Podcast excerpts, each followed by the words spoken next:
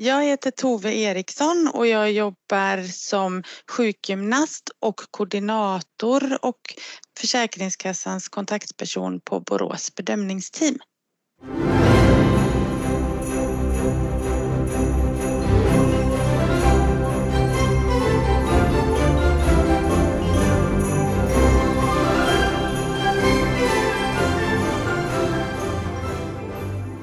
Om man är bosatt i Västra Götaland och är eller riskerar att bli långtidssjukskriven kan man få hjälp av Borås bedömningsteam. När patienterna kommer till teamet har de ofta fallit mellan stolarna. De har varit sjukskrivna länge eller aldrig kommit till sysselsättning. Hos teamet får de en samlad bild av sin situation som de sedan kan använda i kommunikationen med inte bara övriga vården utan även myndigheter såsom Försäkringskassan och Arbetsförmedlingen. Teamets aktivitets och funktionsbedömningar belyser inte bara patientens begränsningar utan också vilka resurser patienten har. Det kan hjälpa patienten att se möjligheter att komma vidare och ta tillbaka en del av det som gått förlorat under sjukskrivningen. Hur går det till när man gör en bedömning av en persons arbetsförmåga? Ja, dels är det ju så att vi inte bedömer arbetsförmågan i första hand eftersom vi inte ser personen i fråga i arbete utan i en aktivitet. Så vi kallar ju våra bedömningar för bedömning av funktions och aktivitetsförmåga. Eh, och en sån bedömning involverar oftast fyra personer. Man träffar läkare, arbetsterapeut, sjukgymnast och psykolog. Eh, vi använder standardiserade instrument eh, när vi utreder och testar patienten. Eh, men de, här testerna blir sedan ett skelett som vi fyller på med vår kliniska bedömning, de observationer och intervjuer som vi gör med patienten.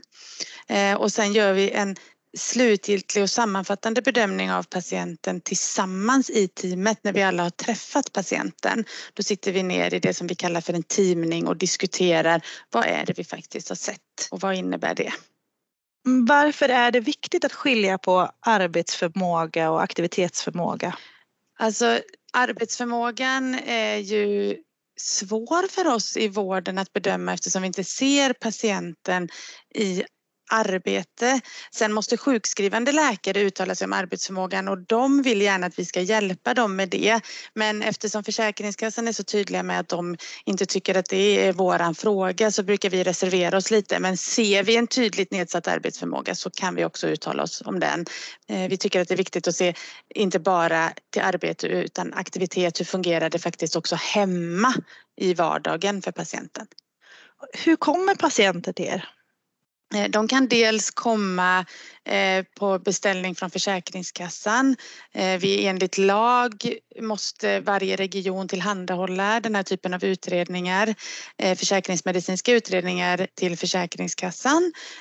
Och sen kan man också komma på remiss från vården.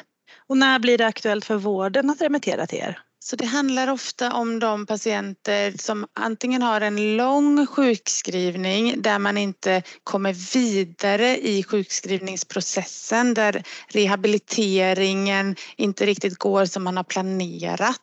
Eh, det kan vara eh, fall där man ser att här riskerar vi att få en lång sjukskrivning. Det kan också vara patienter som inte är sjukskrivna men som inte kommer ut i sysselsättning av någon anledning om man, om man har lite svårt att klargöra till exempel vilken form av försörjningsstöd behöver den här patienten. Så på vilket sätt kan ni vara en resurs för vården?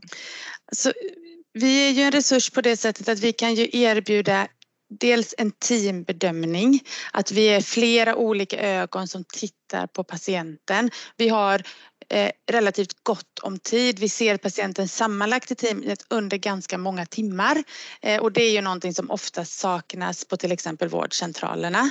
Sen har vi ju lokaler som är anpassade för att se patienten i aktivitet. Det saknas också ofta ute i vården. Vi har ju olika former av testrum och skräddarsydda lokaler för vårt uppdrag. Hur upplever patienterna att komma till er? Upplever de att eh, ni är en resurs för dem eller en instans som ska just bedöma deras arbetsförmåga och riskera att bli utförsäkrade?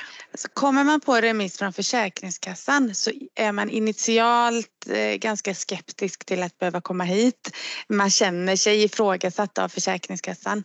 Eh, men ofta när vi sen utvärderar gör de här enkäter och utvärderar vår verksamhet så, så upplever patienterna ofta att de har fått mycket hjälp, att det blir ett, man får en sammanfattande bild av sin egen situation på ett sätt som man ofta missar annars i vården. Så många patienter blir hjälpta av att vara här oavsett om det är Försäkringskassan eller vården som remitterar och vi hittar ju ofta saker som man tidigare har missat att ta hänsyn till. Det kan vara intellektuell funktionsnedsättning, det kan vara en våldsutsatthet, ett inte tidigare omnämnt trauma som patienten har med sig i bagaget och som man inte har tagit i beaktande.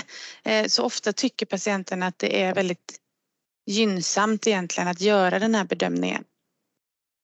Men det är tufft att komma hit och vara här under många långa timmar och utsättas för tester. Det, det är ju tufft. Och vad är viktigt att tänka på när man ska bedöma en persons aktivitets och funktionsförmåga? Alltså, det är ju viktigt just det här att titta utanför boxen och se på patientens hela situation. Patienten är ju inte bara ett diskbrock eller en cervikalgi utan oftast finns det ju andra faktorer som gör att en rehabilitering inte går som man har planerat. Det kan till exempel finnas en psykisk ohälsa som gör somatiska problem kroniska. Det kan också tvärtom vara så att somatiska problem skapar en psykisk ohälsa och att det gör att det blir inte riktigt som man har tänkt sig. Har du några tips till andra vårdgivare som möter patienter som varit sjukskrivna länge? Nej, men det är ju just det här att eh, att, att kartlägga hela patientens liv. Det finns så många faktorer som man kanske som inte kommer fram på det här 15 minuter långa besöket man har på vårdcentralen. Eh, att, att liksom, det handlar om att ställa de rätta frågorna men har man inte den tiden och den möjligheten så är ju tipset att skicka hit dem så ska vi utreda dem.